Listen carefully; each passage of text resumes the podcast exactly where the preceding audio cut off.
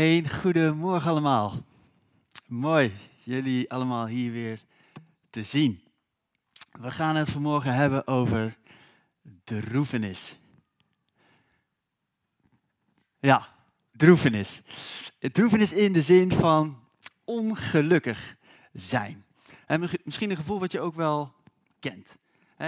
Iedereen in zijn leven heeft hele gelukkige momenten, maar soms ook wel eens ongelukkige momenten. En ik ben wel even benieuwd, hoe zit je erbij op dit moment? Wie is er een beetje gelukkig vandaag? Nou, daar zijn er wel een hoop. Mooi. Nou, uh, ik hoop dat jullie vandaag uh, naar huis gaan met het idee dat jullie uh, de titel voor vandaag allemaal begrepen hebben. Nou, Matthijs, ik zal hem zelf even pakken. Hadden we nog zo afgesproken, Matthijs. Als jij nou dat ding neerzet, dan uh, ga ik vast het podium op. nee, helemaal goed. Ik uh, wil gewoon beginnen door eens een stukje te lezen. En te lezen wel uit de beroemdste preek aller tijden.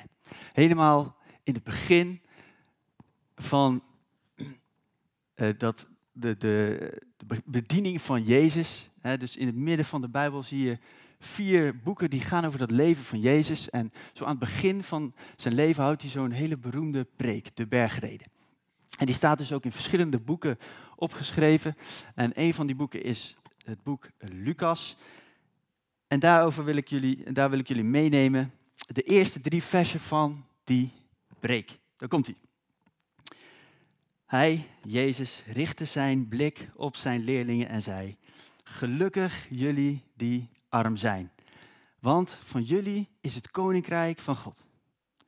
Gelukkig jullie die honger hebben, want je zult verzadigd worden. Gelukkig wie nu huilt, want je zult lachen. Nou, dat is een lekker begin van de preek, toch? Wat bedoelt Jezus hier nou? gelukkig, je zou eerder zeggen, droevig ben je. ellende als je arm bent, honger hebt en huilt. Dat is toch droefenis, of niet? En maar toch, als je, als je dan helemaal inzoomt op dat woord wat Jezus gebruikt voor gelukkig, dan staat daar precies gelukkig. Je bent gelukkig als, zegt Jezus. Nou, dat is, dat is toch wel bijzonder. Hè? Als, als we dit lezen, de drie pijlers voor geluk. Arm zijn, honger hebben en huilen. Nou ben ik wel even benieuwd. Als dit de maatstaven zijn voor geluk, is er nog iemand gelukkig hier? dat is toch even een heel ander verhaal. Hoezo gelukkig? Wat bedoelt Jezus hier nou? Nou, ik wil eens beginnen door te kijken naar de definitie. want kennelijk die definitie van geluk is dus wel heel erg belangrijk om te kunnen zeggen ik ben gelukkig of niet. En laten we eens beginnen bij de uh, Van Dalen. Wat zegt de dikke Van Dalen over geluk? Nou, dat zijn eigenlijk twee dingen uit de online versie weliswaar. Dat, is, dat is even kernachtig samengevat. De twee belangrijkste punten voor geluk is een gunstige loop van omstandigheden en een aangenaam gevoel van iemand die zich verheugt. Nou, die gunstige omstandigheden, dat zijn dus externe factoren die maken dat we blij zijn. Omstandigheden, daar, daar kunnen we zelf invloed op uitoefenen. dus we kunnen zelf zorgen dat die goede omstandigheden bestaan. En daarnaast een aangenaam gevoel. Nou, tegenwoordig weten we precies hoe dat werkt. dat zijn endorfines. Dat is een stofje. Dat wordt aangemaakt door de hypofose. Dat is een klier in ons brein. En die maakt een stofje aan op bepaalde momenten en dat geeft een geluksgevoel. En we weten ook dat je kunt nog zo bijzonder iets meemaken. Dat, dat stofje, dat endorfine, dat is altijd van korte duur. Dus ook al is het nog zo bijzonder, dat, dat geluksgevoel, wat die endorfine teweeg brengt, dat is altijd van korte duur. En nu leven we in een tijd met de beste omstandigheden. We zijn rijker dan ooit en we kunnen de mooiste omstandigheden creëren tegenwoordig. En we kunnen ons leven helemaal vol stoppen met endorfines. een, een volger op Instagram bijvoorbeeld, dat, dat geeft dat stofje ook. En we kunnen allemaal fijne momenten in ons leven creëren voor die endorfines. En toch zeggen experts over deze tijd, hè, we, we, we leven in een geluksmaatschappij en we zijn obsessief bezig met het najagen van geluk, maar het brengt ook heel vaak het gevoel teweeg van is dit het nou? Ik heb alles, ik heb de beste omstandigheden, mijn hele dag vol endorfines en toch. Een, een gevoel van leegte. Dat we toch iets missen. We, lijken alles te hebben bereikt en toch mist er nog iets. En dat obsessief najagen van geluk brengt ook heel vaak het tegenovergestelde teweeg. Het resulteert vaak in stress en angst. En het aantal depressieve mensen in Nederland neemt nog steeds ieder jaar toe. Hoe kan dat nou? We zijn rijker dan ooit en toch neemt dat ieder jaar nog toe. En het mooie wel is, is we zijn er steeds opener over. En een prachtig mooi voorbeeld hiervan, wat, wat mij raakte toen ik het zag, dat wil ik jullie laten zien. Het is van Paul van Haver, misschien ken je beter als Stromae. Een van de meest succesvolle artiesten ter wereld. Over de hele wereld is hij bekend tot zeven jaar geleden. Toen stopte hij met nieuwe muziek maken en eigenlijk hoorde niemand meer iets van Stromae.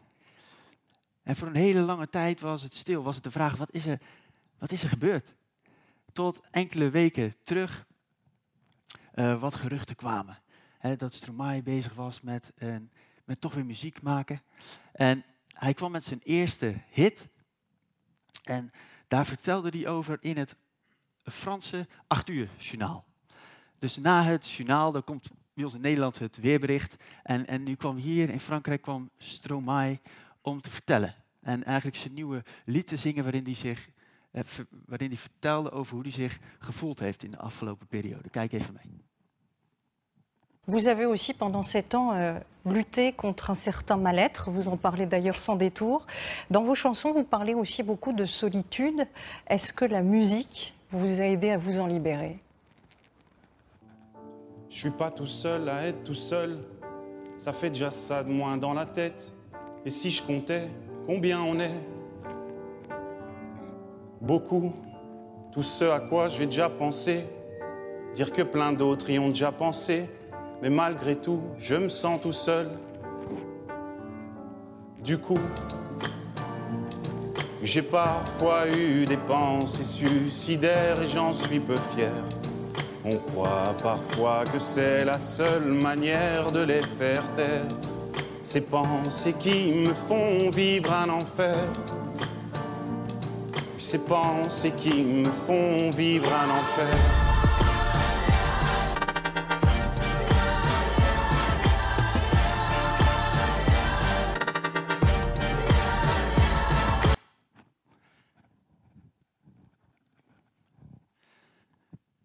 Dit, ik vond het mooi. Ik vond het prachtig hoe iemand voor zichzelf dan de openheid geeft over waar hij mee geworsteld heeft. want ik geloof, dit is toch wel uit het leven gegrepen. Er zijn toch veel mensen die worstelen met het leven. En ongelukkig zijn kan in de zin van momenten. Maar ik denk dat, dat iedereen wel iemand kan bedenken die ook, die van langere tijd depressief is of is geweest. Het worstelen met gedachten waar je maar niet vanaf komt. Waar je eigenlijk niet mee bezig wil zijn, maar je bent er toch mee bezig. En ik vind het prachtig dat we daar die openheid over hebben. En als we dan kijken naar die definitie van geluk in de vandalen, het creëren van de beste omstandigheden en de endorfines, en dan durf ik te zeggen, er is meer aan geluk in dit leven. En daar wil ik met jullie eens op inzoomen.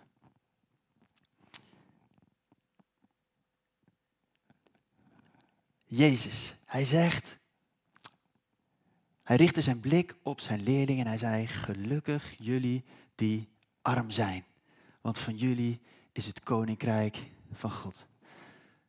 Nou, hij spreekt tegen zijn leerlingen en die leerlingen hadden alles achtergelaten om hem te volgen.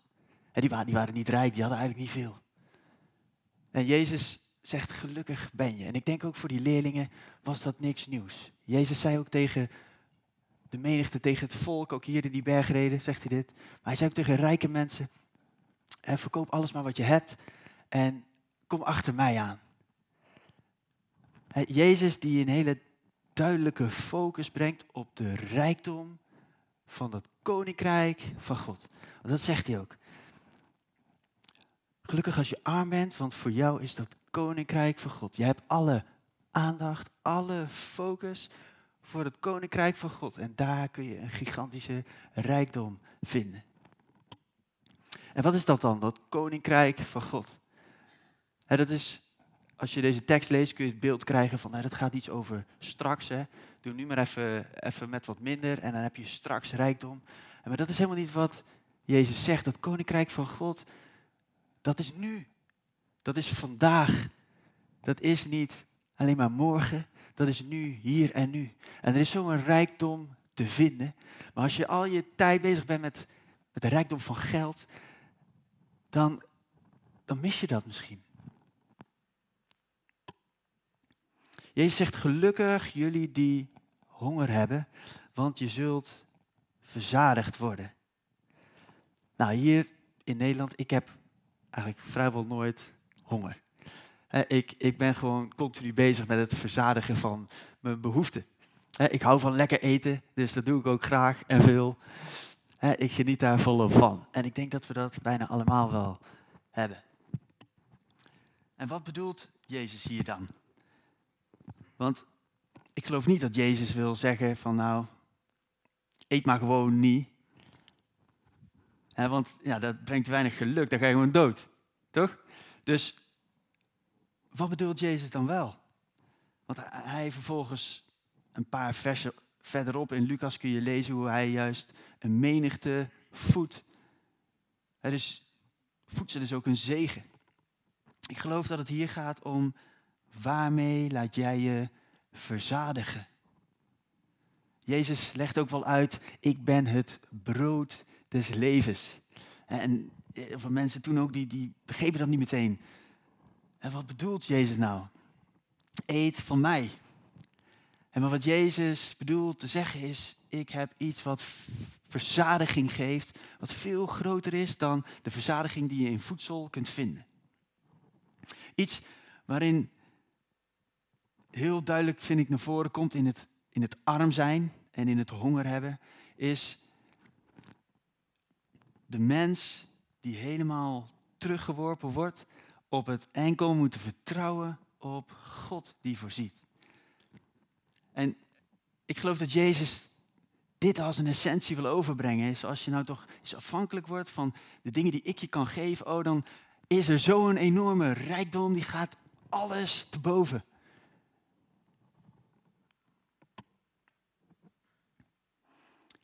Gelukkig wie nu huilt, want je zult lachen. Wanneer zien we Jezus huilen? Zal ik als eerste over na te denken. Jezus die dit spreekt, maar die dit ook uitleeft. we zien Jezus bijvoorbeeld huilen als, als hij Maria in tranen ziet als Lazarus gestorven is. En, en dan, hij weent daarover. We zien Jezus huilen als, uh, als hij over de stad Jeruzalem uitkijkt en hij geraakt wordt door het lot van de stad. Dat Jezus daarom huilt, al die mensen. Jezus huilen is gericht op die ander. En Jezus stuurt dan ook niet voor niks de trooster. Hij, zijn, zijn boodschap is, geloof ik, laat je raken door wat er gebeurt om je heen. Door wat er bij andere mensen gebeurt. En laat mij jou troost bieden.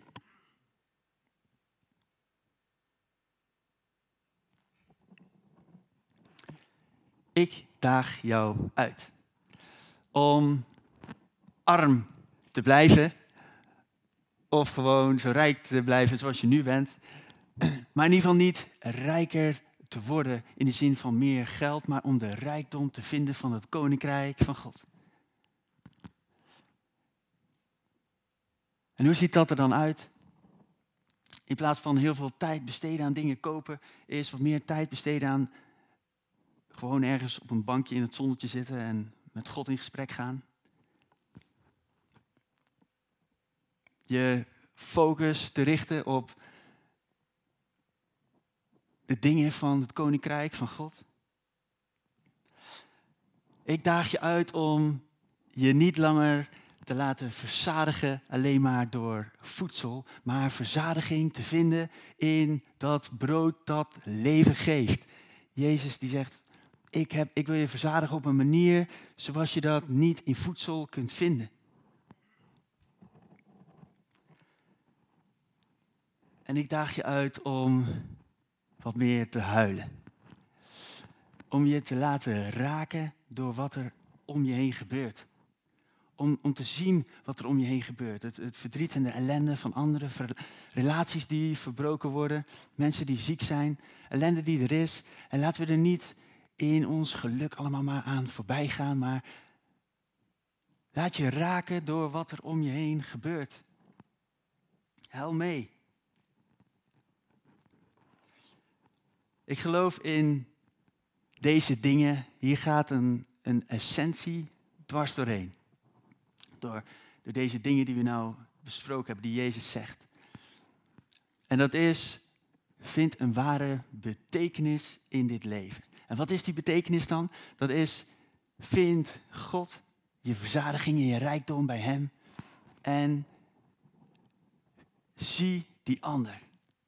Jezus die de wet en de profeten samenvat als heb de Heer uw God lief en je naaste als jezelf. Zo'n belangrijke essentie, Jezus die het uitleefde. En zijn leven hier op aarde, hij was altijd in verbinding met God, bezig met het koninkrijk van God hier op aarde. En hij kwam voor die ander. Hij kwam naar de aarde met die ander voor ogen, om de ander te dienen. En die betekenis vinden, hoe doe je dat nou concreet? Ik kwam daar een leuk voorbeeld van tegen, of eigenlijk moet ik zeggen, Elle kwam een leuk voorbeeld tegen. Uh, die staat wel eens te koken en dan zet ze op de achtergrond iets aan. Weet je? Want ik heb altijd het idee, die mist alles wat er gebeurt in zo'n serie of wat het ook is. Uh, maar toch kwam ze dan een, een, mooi stukje tegen. Ze zei, oh kijk eens mee, dat was een mooi stukje. En ik wil het jullie laten zien. Het gaat over een man die is zijn vrouw verloren. En dat was eigenlijk zijn vreugde in zijn leven. En hij ziet het leven gewoon eigenlijk nog niet meer zitten. Hij, hij mist het fundament onder zijn voeten. Hij is helemaal radeloos. En dan krijgt hij een relatie met een vrouw die hij tegenkomt op het bankje bij het graf. En die vrouw die is een paar jaar geleden haar man verloren. En zij heeft al een aantal dingen geleerd die ze hem dan vertelt. Kijk even mee naar dit stukje. I realized you can't you can't not care about things you actually care about. You can't fool yourself and and uh, it was something you said that it's not all about me. And even though I'm in pain, it's worth sticking around to maybe make my little corner of the world a slightly better place. That's all there is. Happiness is amazing. It's so amazing, it doesn't matter if it's yours or not. There's that lovely thing. A society grows great when old men plant trees, the shade of which they know they will never sit in. Good people do things for other people. That's it, the end. And you're good, Tony. You have so much to give smart, funny, lovely. You forgot sexy. Yeah, well, didn't want to be too obvious. If you were 20 years younger, right? Exactly. Mind you, if I was 20 years younger, I think I could do better. Yeah, definitely. um,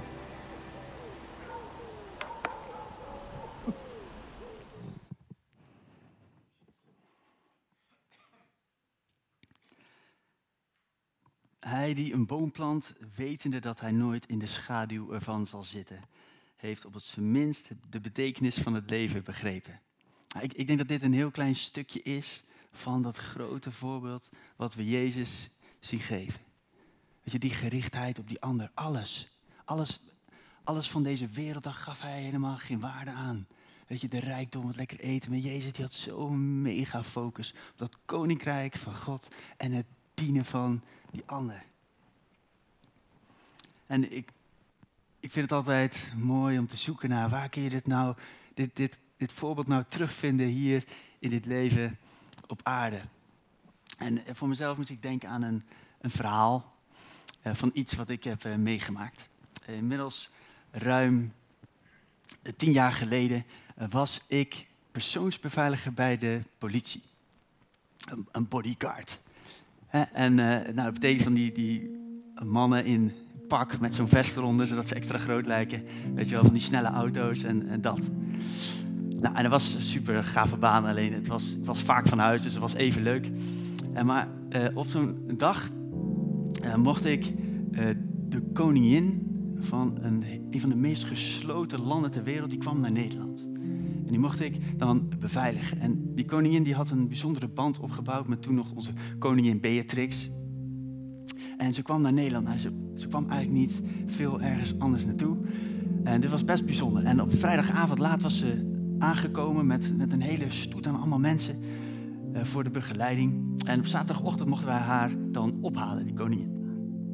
Dus um, ik samen met een collega uh, reed naar een, prachtig mooi landgoed en daar mocht die koningin dan verblijven. En toen we aankwamen waren we best onder de indruk.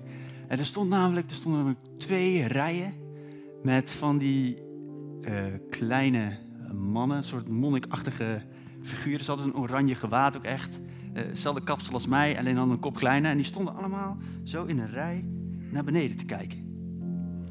En in het begin we hadden niet door wat gebeurt hier, maar we, kregen te horen al via de tolk en de teamleider van, nou goed, niemand mag de koningin in de ogen kijken. Uh, dus wij wilden nog even met die teamleider in gesprek. Dat ging moeizaam, want die tolk had weer een ander dialect. En wij wilden in ieder geval duidelijk maken dat de koningin die moest bij ons in de auto.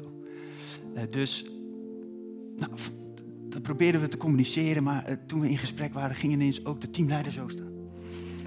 Uh, de koningin kwam eraan. Dus een beetje ongemakkelijk gevoel. ga je dat nou ook doen? Nee, nee, dat ga je niet doen. Natuurlijk niet. Dat past niet bij hoe wij het werk doen. Dus wij keken gewoon netjes om ons heen. En de koningin die kwam daar. We deden de deur open. Ze stapte bij ons in. Ik stapte achter het stuur. En we zouden wegrijden. En ik keek nog even in mijn spiegel. En ik zag daar de paniek van, ja, in mijn herinnering wel 30 van die mannen die daar stonden en die opkeken. En de koningin is weg. He, dus in paniek, ze renden naar hun auto en achter ons aan.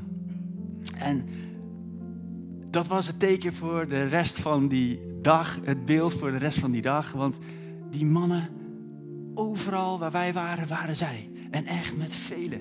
En we hebben er enorm om gelachen. Wat een, wat een toewijding, maar we waren ook onder de indruk.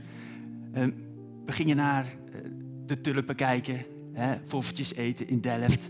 Uh, met paard en wagen door Laren, nou, zulke soort dingen. En overal waren die mannetjes, die, die, waren overal te vinden. Ze, ze kwamen rennend uit alle stegen en we waren onder de indruk van hun toewijding. Zij wilden voor de veiligheid van hun koningin zorgen. En dan moesten bij ons in de auto. Zij waren erbij en dichtbij. En ik was, ja, ik, ik vond het echt heel mooi. Weet je, ik had in die tijd wel eens gesprekken met vrienden die vroegen van, nou, weet je, als je, als je nou echt een kogel moet opvangen, zou je dat dan doen? En uh, ik zei dan van, ja, dat, dat, is ongeveer exact mijn werk. Dus ja, uh, maar bij, bij, deze, bij deze mannen was het in hun ogen te lezen. Weet je, die, die toewijding, die wilde alles geven voor die koningin. En, en ik vind dit ook een beetje zo'n plaatje van de ultieme bodyguard. Je, een beetje een afspiegeling van die ultieme bodyguard, die is Jezus.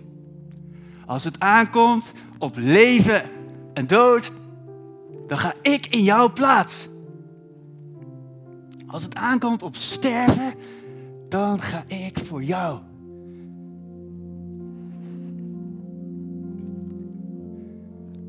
Jezus die naar de aarde kwam met zo'n mega focus op die ander.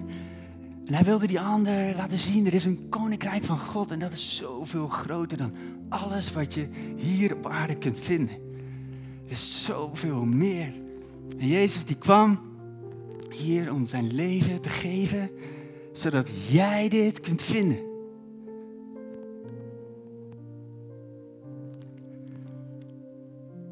Dat is toch tof? Ik ben daar elke keer weer opnieuw van onder de indruk.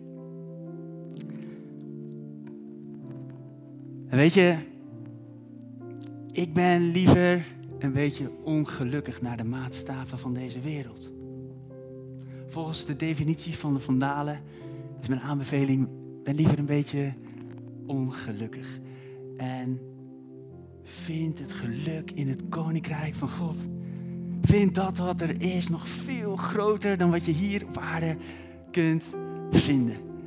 Echte rijkdom, verzadiging en de vreugde van God. En dat is wat ik jou toewens.